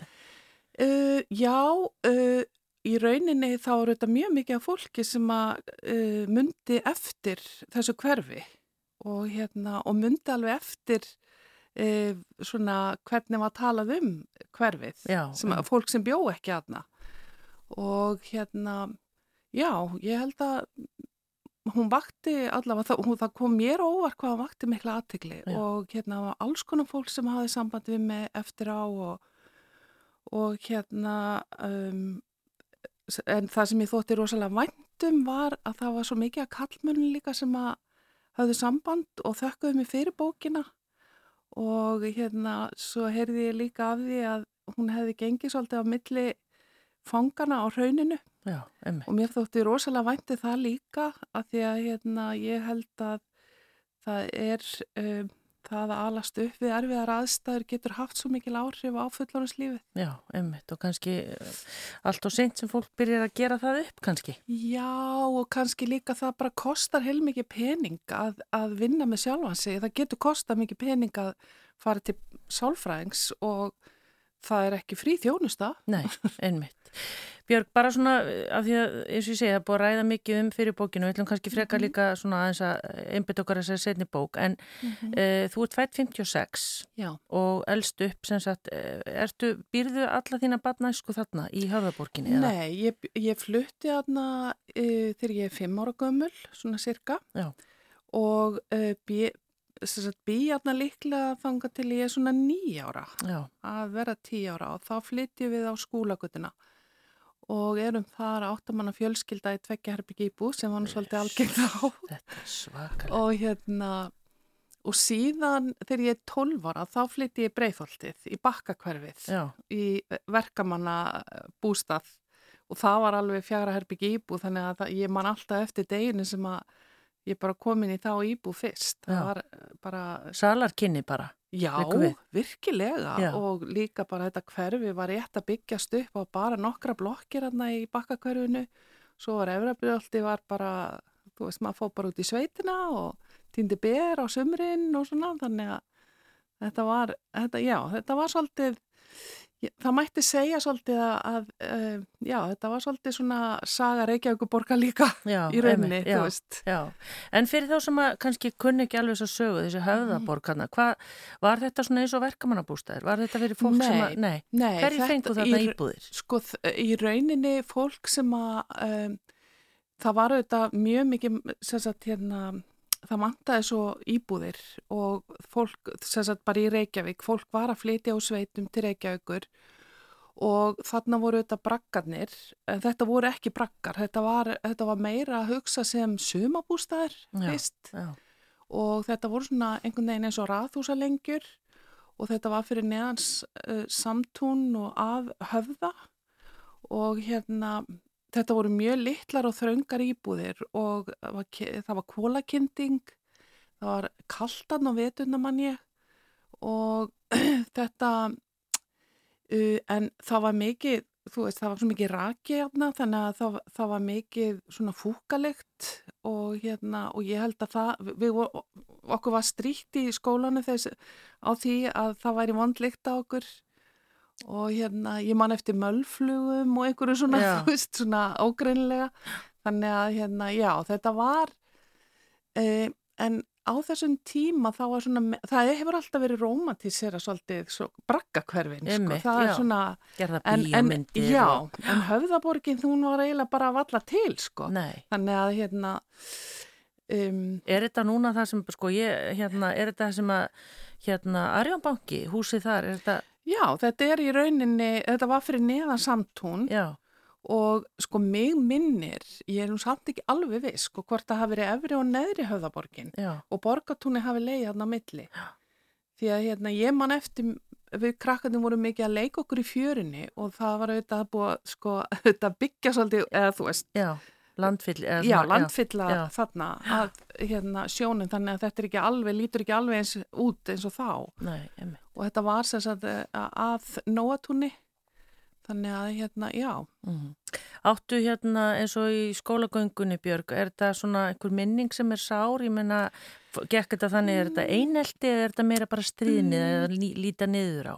Sko ég held að þetta hafi nú ekki verið beint einelti, heldur meir að sko ekki af hendi krakkana meira af hendi kennarans. Hann var, hann var alveg svakalegur. Já, gerði bara upp á milli aðeins? Já, hann gerði mikið upp á milli. Hann, hann var auðvitað bara uh, barnanýðingur og hérna og við erum auðvitað vitna því að hann var að misnota drengi bara inn í skriftatímum og ég segi frá því í hljóðin í nóttinni. Um, hann var bara svolítið svona hrótti um, já og þú veist sko ég að auðvita er ekki það er ekki það var ekki allt erfitt í skólanum uh, ég var í lögunaskóla sem sagt og hérna uh, ég á alveg líka góða minningar þú veist. Ég á góða minningar frá því við vorum þú veist að búa til jólakort og, og hérna póskassa og jólaskemtanir og, og hérna og söngurinn alltaf, þú veist. Já. en, en ég og hann elduðum svolítið grátt silfi sama því að hann var Já, ég var svo ofta að keppa við annan strák, við vorum yfirleitt, var, við vorum svona til skiptis hæðst í bekknum, en hann tók mig svolítið fyrir Já. og ég var líka kannski svolítið svona, já, ákveðin ung kona. já, ég myndi segja það. Já, ummitt. En Björn, hvernig hérna, hvenar ákveður þú og svo náttúrulega hérna uh, bara heimilis aðstæður eru bara mjög erfiðar. Það er, pappiðin er hann ekki sjómaður eða? Jú, sem sagt, uh, fóstupappi minn, stjúpfæði minn, um, sem er látin, hann, uh, jú, hann kemur inn í límit þegar ég er sex ára gömul. Já, Uh, Fóreldra mínu skilja þegar ég er fjár ára gömul. Og já, þannig að í rauninni mamma var svona mjög viljasterk kona á þessum tíma og svolítið kannski svolítið uppreysna gætn og hún í rauninni uh, segir sig á bæinn eins og kalla var þá. Um, og er þarna einstæð með, um, uh, já, einstæð móðir með þrjú börn. Og hérna, og eignar svo eitt barnana í, eftir ok okkur áður, en að fóstupöfminn kemur inn í líf okkar. já. Þannig að þetta er ströggl.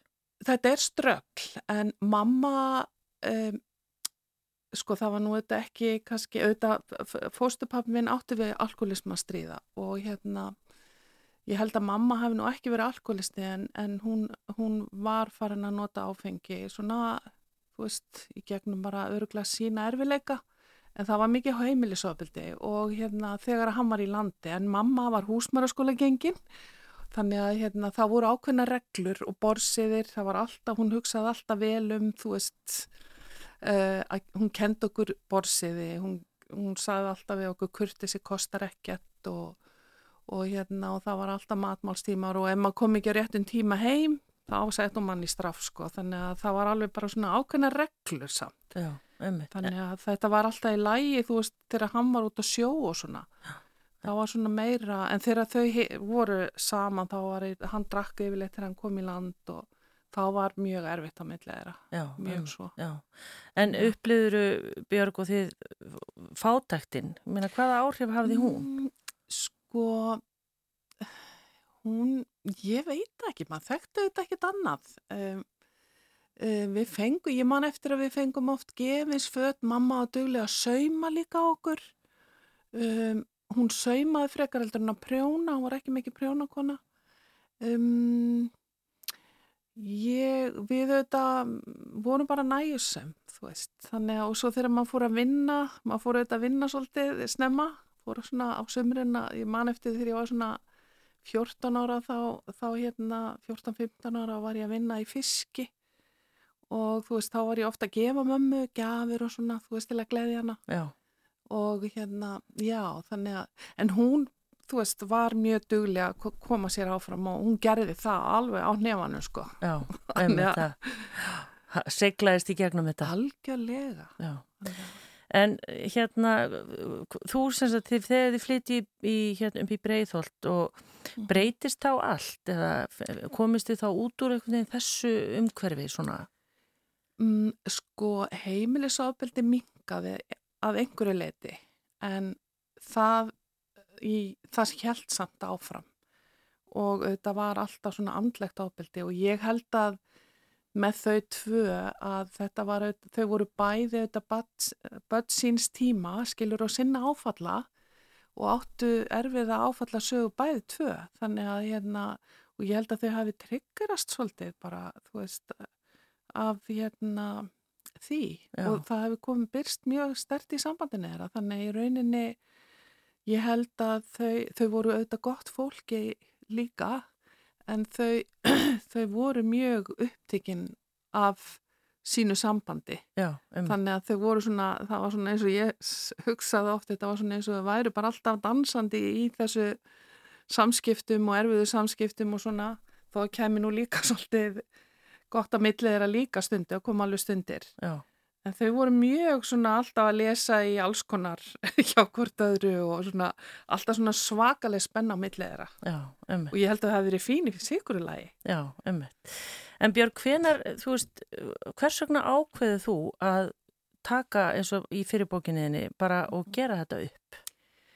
Sko, þetta í rauninni fyrst og fremst það sem að trublaði mig alla tíð bara frá því ég var í löguniskóla var að þú veist þessi drengir sem ég varð vitni að að hann væri að misnóta um, þetta let mér yfirleitt ekki friði ég hugsa, þú veist, ég hafi hugsað mitt í hverja einustu viku mm.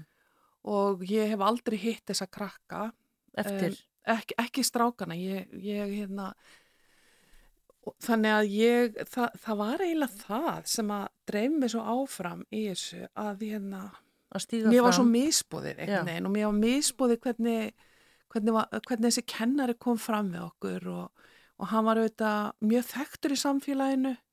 Um, hann, hann hérna átti mjög listræna hlið og hann skrifaði barnaleikrit og hann hérna já og þýtti barnaleikrit og hann sá um útfastætti fyrir börni og þú veist það var svona ímislegt og hann sá um, um mikið um alla skemmtanir í löguniskóla uh mhm. -huh. um, en það var einhvern veginn það, það sko mér, ég var svo uppfullað einhver óréttlæti Já. sem að ég hérna sem að mér fannst ég og, ég og, og við sem vorum í þessum tossabekk vorum beitt í rauninni Já, ömmið. Er það og, meira einhvern veginn drivkraftin í gegnum þetta heldur en bara þinn eigin veruleiki og þitt mm. eigið uppeldi af því að þetta er, þetta er svona, það þarf hugur ekki einhvern veginn til að já, leggja sér svona á borðið eitthvað neginn. Já, ég held að líka kannski má segja þú veist að ég, ég var auðvitað búin að vinna í kvennaatkonin ég fór, ég fór svolítið snemma kannski bara upp úr 80 eitthvað þá byrjaði ég að vinna í kvennaatkoninu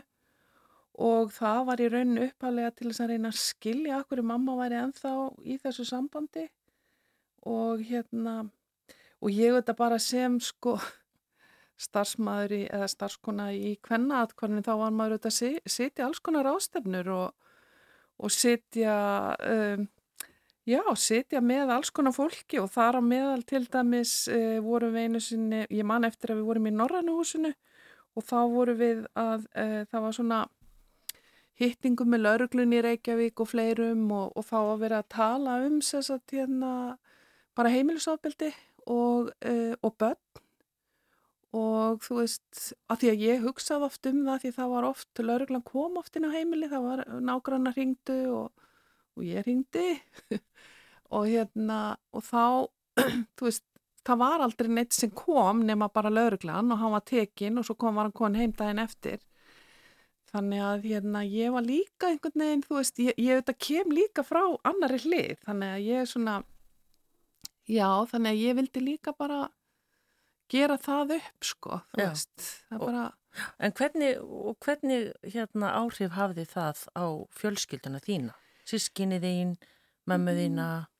Sko, um, ég myndi segja sko, um, ég og mamma voru mjög nánar að því leytunum til að ég, ég var svona mjög mikil vinkona með mömminnar og hérna var svolítið svona mamminar í raunni.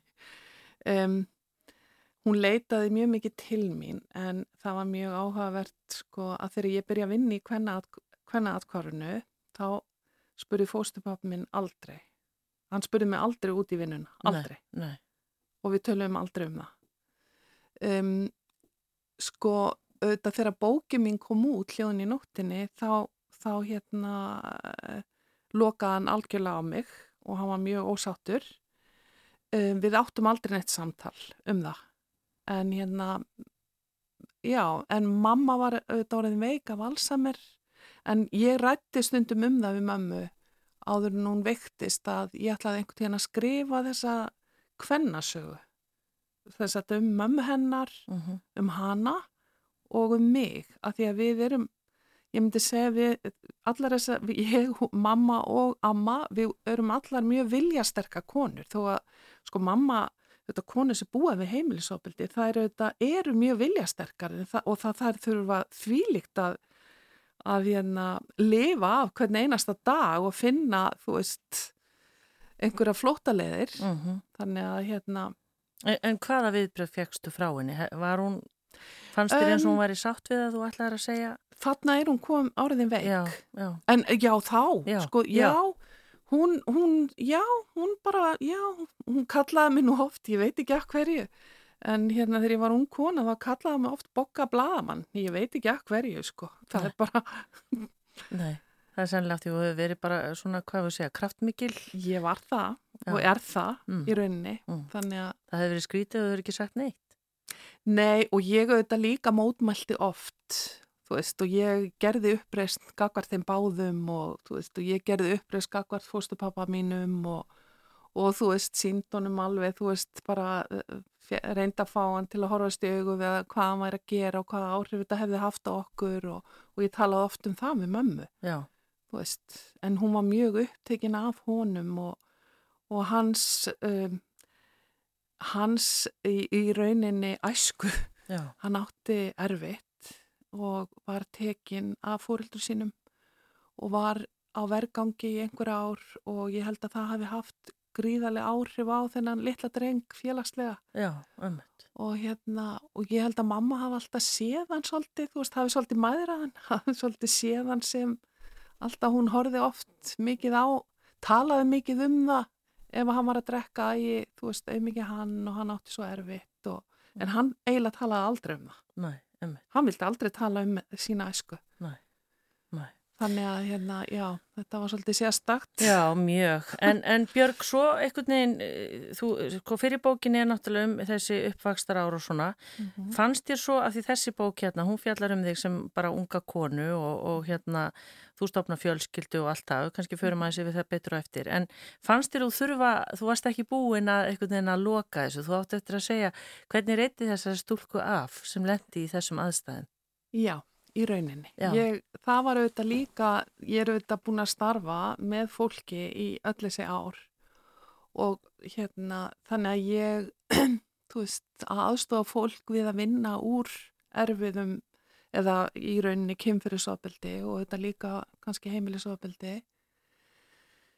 Um, mér finnst það bara svo áhugavert að hérna líka að þú veist, auðvitað hefur þetta gríðarlega áhrif á fólk uh, að á bara börna alast upp við, við brotna brotið fjölskyldilíf og hérna og það að koma inn í fullorinnsárin getur verið mjög flókið.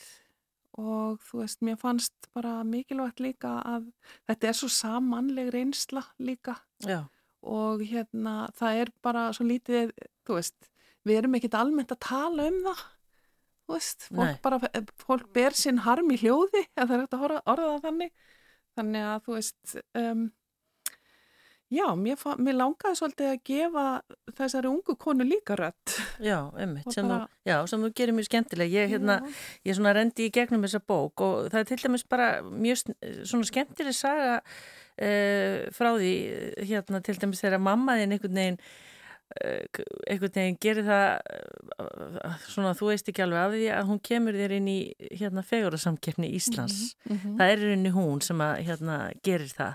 Sem segir okkur líka það að hún hefur náttúrulega verið gríðarlega stolt að þér. Já, ég held, sko, ég held að bæði fóstupapmin og hún, þau voru allar tíð mjög stolt af mér. Og fóstupapmin saði það oft um mig.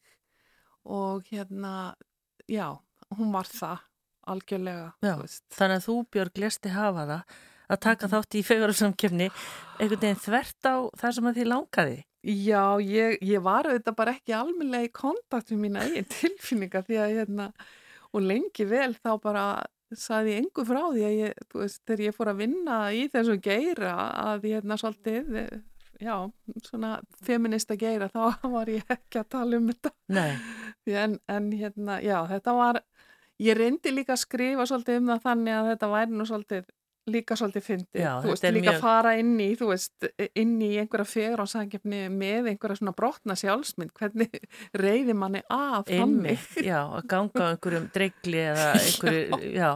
En hérna, áttu, eru, hérna, eru til myndir og kemnir það væntalegst Já, já, já, já, ég á alveg úrklippur og, og hérna, já, já, þetta, mér finnst þetta samt, í dag þá finnst mér þetta freka fyndið, Já. alveg bara já, að láta sér þetta í hug. já, einmitt. Svo segir líka frá því að þú fóst á sjóin. Já, já. Ég var einmitt að, um daginn, ég var að, hérna, vinkona mín, hún hérna sendi mér einmitt úr, hérna, morgumblaðinu eða eitthvað, þá voru við, þá var eitthvað við sem tóku þátt í fjörðarsakefni og hérna, og það að sagt, hva- nöfnin okkar og hvað við gerðum og þarna var ég sendill hjá Eimskip og kerði svona pallbílstundum og það var, ég var tillu sem vörubílstjóri og, og þannig að ég hugsaði bara, ég man ekki hvort að ég saði það sjálfa, ég væri vörubílstjóri, bara til að svolítið að nexlaði eitthvað, ég veit það ekki. Vörubílstjórin í fegurðarsankemninni. Já, og líka þegar ég var aðna, sko, fór síðan á sjóin, þú veist, ég er auðvitað að segja frá þessu svolítið í bó- bókinni, að ég gæti aldrei gert eitthvað svona, þetta gæti aldrei verið svona eðlilegt, akkur var ég ekki bara flugfreyja eða eitthvað, þú Já. veist, eða, Já, en, en Ah. hérna, varstu aldrei einhvern veginn langaði á þessum tíma einhvern veginn ekki neitt svona nám eða hva, hva, hva, hvað ætlaðir að gera við lífið þitt? Sko, ég, um, þegar ég útskrifast úr 12 ára bekk, þá, úr hérna löguniskóla, þá þetta var svona barnaskóla próf sem var kallað þá, um, þá fekk ég viðurkenningu því ég var hæðist í bekknum, síðan fyrir ég breiðaskóla og ég, þá er ég sett í mjög góðan bekk og hérna, um, en ég lendi í rauninni í árás að hendi pappa minns þá og í rauninni þá hafði það svolítið mikil áhrif á námið. Ég misti svolítið mikið áhuga á náminni, ég var svolítið svona þunglind held ég þó ég hafi nú ekki talað neitt um það og gerði mér ekki alveg grein fyrir, ég sök mér bara hún í bækur að las, lesa og svona. Um, já, ég, svo kláraði ég þetta bara þennan grunnskóla fór svo í ármlaskóla og fór á hústjórna leið Já, sem sagt, ég tók tvo bekki og um, ég var ekki- ekkert svo viss um það þú veist að ég, var, ég gæti nú eitthvað lært þannig en ég fór síðan í fjölbrönd og svona þú veist í kringu fjöðarsækjumna þá hugsaði ég já já ok ég ætla að fara bara að læra taka snirti frá þennan, það var kannski bara svolítið sniðut já, einmitt. Þannig að þetta, þetta er rauninni spanna rosa vítt svið þar sem þú hefur Já. sko starfað og fengist við allt frá því að vera bara Já, en, en hérna Björg, af því hún nefndi pappaðinn á hann, hérna, þú segir mitt líka frá því í bókinni, hann er, hann er dáin sem sagt, pappiðinn, Mhm. og þú verður fyrir kynferðisofbeldi, er það ekki, Mhm. af hans Jú. hálfu. Jú. Uh, samt uh, einhvern veginn búin að gera, gera Mhm. það, þann kapla svolítið upp og ferð með þess að í kirkjugarðin. Hvernig, Mhm. hvernig gerir maður það? Sko, ég, um, ég var ekki, ég var bara 20 og kannski 5 ára eitthvað svo leysar ég kallaði á hann um, fyrst til mín og, og spurði hann út í þetta. Um, akkur er hann, ég, hefði, ég lendi tvisar í honum sko, ég vaknaði við eh, hendina honum uh, á milli, já bara, já, á kynfærunum á mér eina nóttina. Þegar ég var svona 10 ára, 9-10 ára, um, ég var alltaf rosalega hrætt við hann eftir þetta en það var nefnilega svo erfitt að því að hann, hann var svo hlýr. Um, síðan í rauninni ræðst, ræðst hann á mig þegar ég aftur þegar ég er rétt nýfemt og hérna og reynir að kissa mig. Og þá endalega gerði ég mig grein fyrir að hitt hefði gerst í rauninni. Um, ég var auðvitað ég var alltaf að hugsa um þetta. Og þegar ég er 25 ára og þá er ég orðin um, móðir og þá bara kalla ég á hann og ég bara spyr hann út í þetta. En ég í rauninni, sko ég fann svo til með hann að ég tók á hann um orðið því að hann fór í svo mikið panik. Mm -hmm. þannig ég fekk í rauninni ekkit út úr því sko þá. En það var ekki fyrir mörgum ári setna sem að ég átti uh, uppgjör við hann og hérna og síðan loka ég bara á hann Já, og senda honum bara bref þar sem ég segi bara við hann ég vil ekki hafa samband við þig. Ég vil ekki og komur inn á mitt heimili. Og sagði bara við hann ég treyst honum ekki. Og hérna og ég sem sagt, hafði ekki samband við hann í átt ár, sá hann ekki átt ár. Mhm. og hérna síðan veikist hann alvarlega og fer í stóra hjartaðgerð og hafði samband. Og ég fór að hitta hann og ég fylgd honum alveg, þú veist, í gegnum þessa aðgerð og hérna var hjá hann þegar hann lést. Já. En já, þannig að þú veist, ég, Bara það að hafa einhvern veginn kallaðan á þinn fund, já, sagt þetta uppátt, að þér hafi náttúrulega mislíkað þetta og alltaf að það er Mhm. nóg fyrir þig, að það er þitt uppgjör. já, ég sagði við hann sko að ég spurði hann að því hvort hann gerði sér grein fyrir að ég hefði mist allt tröst á honum. Uh -huh. og ég myndi aldrei treyst honum fyrir börnunum mínum eða og ég spurði hann bara hvað væri hann að hugsa, hvort hann gerði sér ekki grein fyrir hvað hann var að gera? Af því þarna er ég líka búin að uh, búin að koma að staði að hann hafi misnóta, marga stelpur. Að, og hann fór í rosalegt panik þá og hérna og saði mig þá að jú, hann gerði sér grein fyrir að hann væri, væri ekki að gera rétt en hann, hún er liðið kannski illa í smástund á eftir en svo væri það allt í lagi. Uh -huh. þannig að hérna og eftir hann lést þá hérna, hann var, hann var líka mikill hagariðingur, hann, hann gerði mikið af vísum og svona. Þá fann ég hérna sem sagt vísur eftir hann þar sem hann var að tala um þá, þá var hann frekar ungur kannski ungum maður. Þá var hann að tala um hérna þá var ein, ein vísan sem að sem getur alveg verið svona vísun í að hann er að tala um litla stelpu inn í tjaldi og eitthvað svona og sem er mjög tvíbent Mm. og mér fannst það mjög óþægilegt þegar ég sá fann þessa stílabók með þessum ljóðum þannig að hérna Uh -huh. en hann átti við þessa barnakind að stríða og það var hræðilega sorglegt Já. Já. Björg, uh, finnst þér þú einhvern veginn á þess að vera eitthvað uh, rosalegt fórnalamb en þetta eru rosalega stór og mikil verkefni sem þú fengið í gegnum tíðina? Já, kannski ekkit meira heldur um margur annar. Ég hef búin að sitja í svo mörg, mörg ár og hlusta á lífsögur hjá fólki og hérna, og það hefur kannski líka hjálpa mér að hérna, að sjá það að, veist, og ég segi það oft í vinnunni, ef við fólki mitt sem kemur til mín, þá segi ég, veist að ef við eigum eftir að lifa í 80 ár, þá sleppur enginn. Við verðum öll fyrir áföllum Uh -huh. og hérna og ég held að það er bara misjant hvena þið gerast hvort þið gerast þegar maður er barn eða á fullónisárum eða hvernig áföllin sem þau geta verið alls konar líka og við eigum öll okkar lífsögur Já. við eigum öll okkar tilfinningarlegu lífsögur Já. allir Já, já. En það að tala svona eins og þú og svona opinskátt um þetta og svona, uh, hvernig virkar það á því? Er það bara, þú veist, getur maður þá bara einhvern veginn verið bara betn í baki og já, það eru einhvern veginn engin leyndamál, ég er bara búin að, þetta er hérna, þið getur lesið um þetta og ég er búin að segja frá þessu og hvað, Um, já, ég auðvitað ámar, já, auðvitað fullt að leyndamálu samt. Og, og auðvitað, þú veist, ég með báða bækurna mínar og það sem ég hef skrifað í gegnum mitt líf, þá, þá er ég auðvitað líka, ég, ég er að, ég kem sjálf fram sem, sem sagt, og er að skrifa þetta út frá mínu, hérna, minni reynslu. Um, ég auðvitað er ég stolt af mér auðvitað hef ég líka fengið alveg gríðarlega mikla hjálp og hérna leita mig hjálpar og það hefur styrt mig mjög mikið. Þannig að hérna og ég held að ég sé með nokkuð góða tilfinningagreint líka. Já, þannig að hérna ég hef allatíð haft gaman að fólki.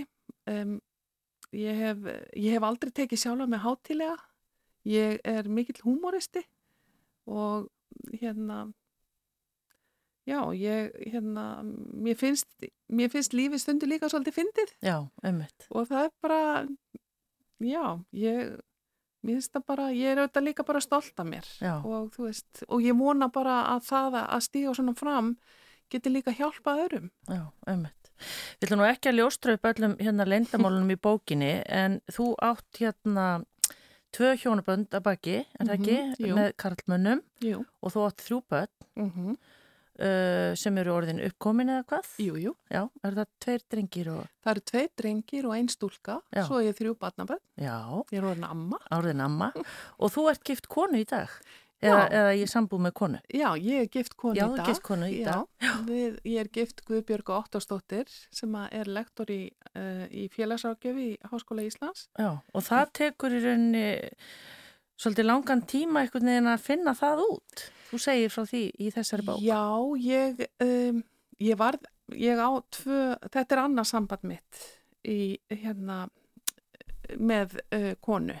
Um, já, ég, ég var, það var, það kom svolítið aftan að mér í rauninni að verða ástangin á konu og um, en svona þegar ég hugsa um það, lít svona tilbaka þá þetta held ég að ég hafi nú kannski alltaf vita þetta en ekki tekið í, ég var bara í afneitunni eða eitthvað sko. Já. Þannig að hérna, ég var alveg spurði uh, að frenda fyrir mannsins mín, hann spurði mig einu sinni, þú veist, hvort að ég væri ekki bara lesbía Já, já, og ég sagði, nei, hvernig dettuðu það í hug? um, já, þannig að, jú, þetta var auðvitað kannski líka hluti af því að leita sjálfu sér. já.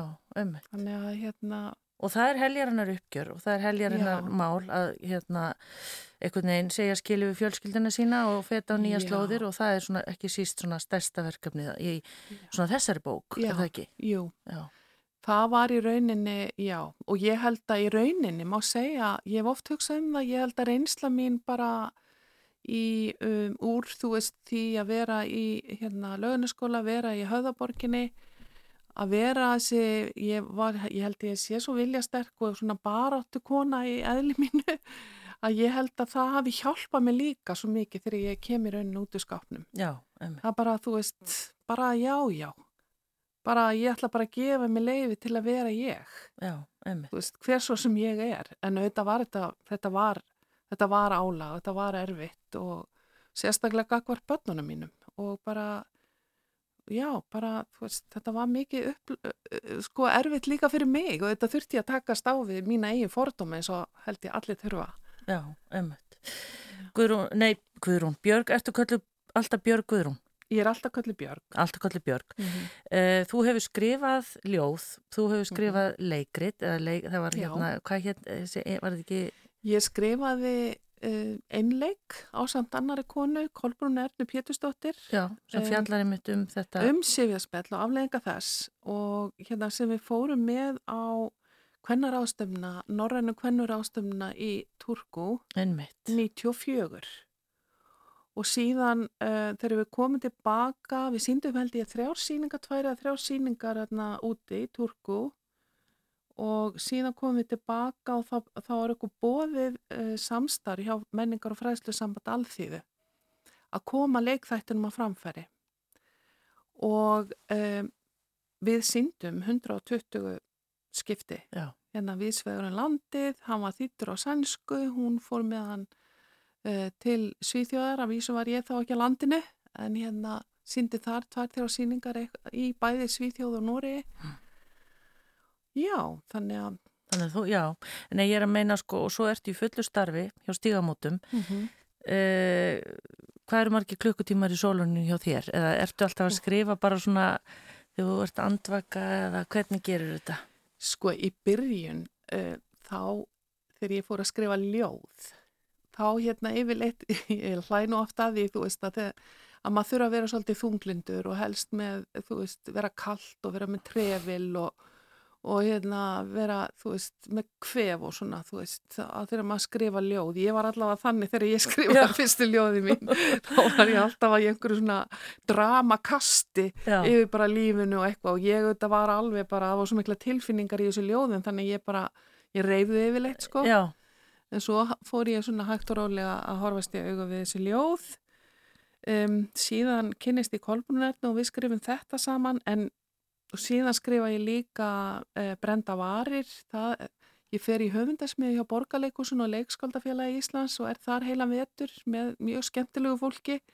Og þar skrifa ég um reynslu mína að þá er ég orðin ástokinu konu en er ennþá gift og ég veit ekki hvað ég á að gera við þetta. Þannig ég skrifa einþáttung um uh, tvær konur, önnur húsmóður og hinn er lesbía. Já, og þetta er, húsmóðurinn verður ástfangilega lesbíunni og á í samtali við prest. Já, uh, þannig að, já, og svo að þannig millitíðin kemur út ljóðabókin. Um, ég um, ég auðvitað fel líka í bókmyndafræði í háskólanum og þú veist til að verða betri rítvöndur en ég það er auðvitað eftir því sem ég verð eldri þá er auðvitað erfiðara að skipta þessu ég finna það, sko, mér þykir svo væntu starfi mitt sér ágjafi þannig að ég, hérna, mér þykir svo væntu fólki mitt og væntu um stígamótastarfið. Og svo tógar það rosalega í mig oft, þú veist, ef ég hitti fólk sem er að skrifa, hitti fólk sem er bara listamenn, að þá fer alveg, þá kviknar því líkt í, í hérna, sköpuna hlutanum í mig, þannig að ég verði einhvern veginn bara, ég, já, já. ég þarf að sofa mikið, þannig að hérna, stundu bara reyni einhvern veginn að, ég veit það ekki, búið til tíma. Já, eru marga sögur hjá þér ósagðar sem við langar að segja? Já, ég á þó nokkað ljóðum sem að ég hef verið að hugsa um, þú veist kannski, að sinna betur. Um, auðvita væri ég til í að vera alveg á listamannalaunum, en þau eru bara svo léleg, ég verið að segja það. Já, þá, þá er það sagt. en hérna, já, það, um, en já, kannski gerir maður, uh, ef maður heldur heilsu, að þá bara eigin maður eftir að kasta sér svolítið út í þetta. Já. Miklu um. meira og mér, mér, ég, mér finnst mjög gaman að skrifa leikrit, um, ég hef skrifað kvikmyndahandrit, um, ég veit að var í reitlistinni þá voru við bæði að taka ljóðlist, ég tók kvikmyndahandrit að gerð og svona, já þannig að þetta, ég kom svona inn á mörg form og mér finnst þau öll mjög skemmtileg. Já, ömmit. Ólík en já, skemmtileg. Já, en þér fer þetta allavega mjög vel á hendi, ég hérna, laði hann allavega frá mér þessa bók núna, en mm. Eh, bara rétt í loking hana, Björg, starfið þetta því ég, við töljum saman fyrir helgi að það er einni kannski ekki droslega gott að það sé rosalega mikið að gera hjá stígamótum. Nei, já og nei. Það er þetta, um, það er allt of mikið að gera. Bara, þú veist, við, við önnum ekki eftir spörn. Við þyrtum að ráða, ráða fleira, fleira fólk í ráðgjöfina. Uh, við erum líka, það er mikið... Um, það er líka rákjára sinna fræðslu þannig að hérna, það er gott að fólk er að leita til okkar og leita sér hjálpar en um, það er leiðilegt að geta ekki hérna sendi, við þurfum að við þurfum, það er alveg svona mánaða beðin í viðtöl Já. þannig að hérna en þetta er mjög gefandi starf og þetta er mjög skapandi starf og fólk, það kemur oft fólki óvart þegar maður talar um það að stígamótastarfi sé skapandi. Það er mjög gefandi að sjá, þú veist, þegar fólk fer að geta höndlað afleðingarnar í sínu lífi og geta farið að búa til betri lífskeiði fyrir sig. Og svo eru við líka, við, við, þetta er frábær starfsópur og hérna, þetta er mjög klárt fólk sem ég vinn með og hérna, Ég er ekki vissum að ég myndi fungera í einhverju öðru starfi. Eða hjá einhverju fyrirtæki, einhverju öðru fyrirtæki, ég veit það ekki. Þetta er auðvitað græsróta samtök, þetta er ekki fyrirtæki. Mm. En Þannig allavega, er á meðan er og þú ert þarna og bróðsir í dag. Björguður hún til hamingi með bókina þina. Takk. Hvernig er nú svona almennt sunnudagarnir? Eru, hérna, eru þetta, kvíluru þið þá í vinnu og... Ég, já, ég auðvitað bara það er eitt sem að mér finnst alveg langt best að gera, það eru þetta bara að fara í vestubæðilegina og hanga þar. uh, kona mín er svolítið meira svona, hún er svolítið svona meiri, hún, vil, hún hleypur, hún er hlaupari og þú veist, fer mikið, þarf að hafa mikið að gera og svona. Ég er svona meira þessi sem er svona rólega típan og þegar við fyrir saman í sund þá er hún eftir klukkutíma, erum við ekki, ekki að fara að segja þetta gott. Já. Þannig að mér finnst mjög gott að fara eini sund Já. og ég bara hangar. Ég get verið í þrjá tíma í sundi. Þannig að hérna bara, mér finnst það bara æði. Mm. Þannig að, og auðvitað fara í göngutúra og bara fara á kaffihús og... Og njóta. Já, hitta bönni mín og barnabönninu og svona. Bara njóta lífsins. Já. Frábært, takk fyrir komuna í sunnundasögur Björg Guðrún Gísladóttir til hamingi með skuggasól og gangið er vel. Já, takk kærlega.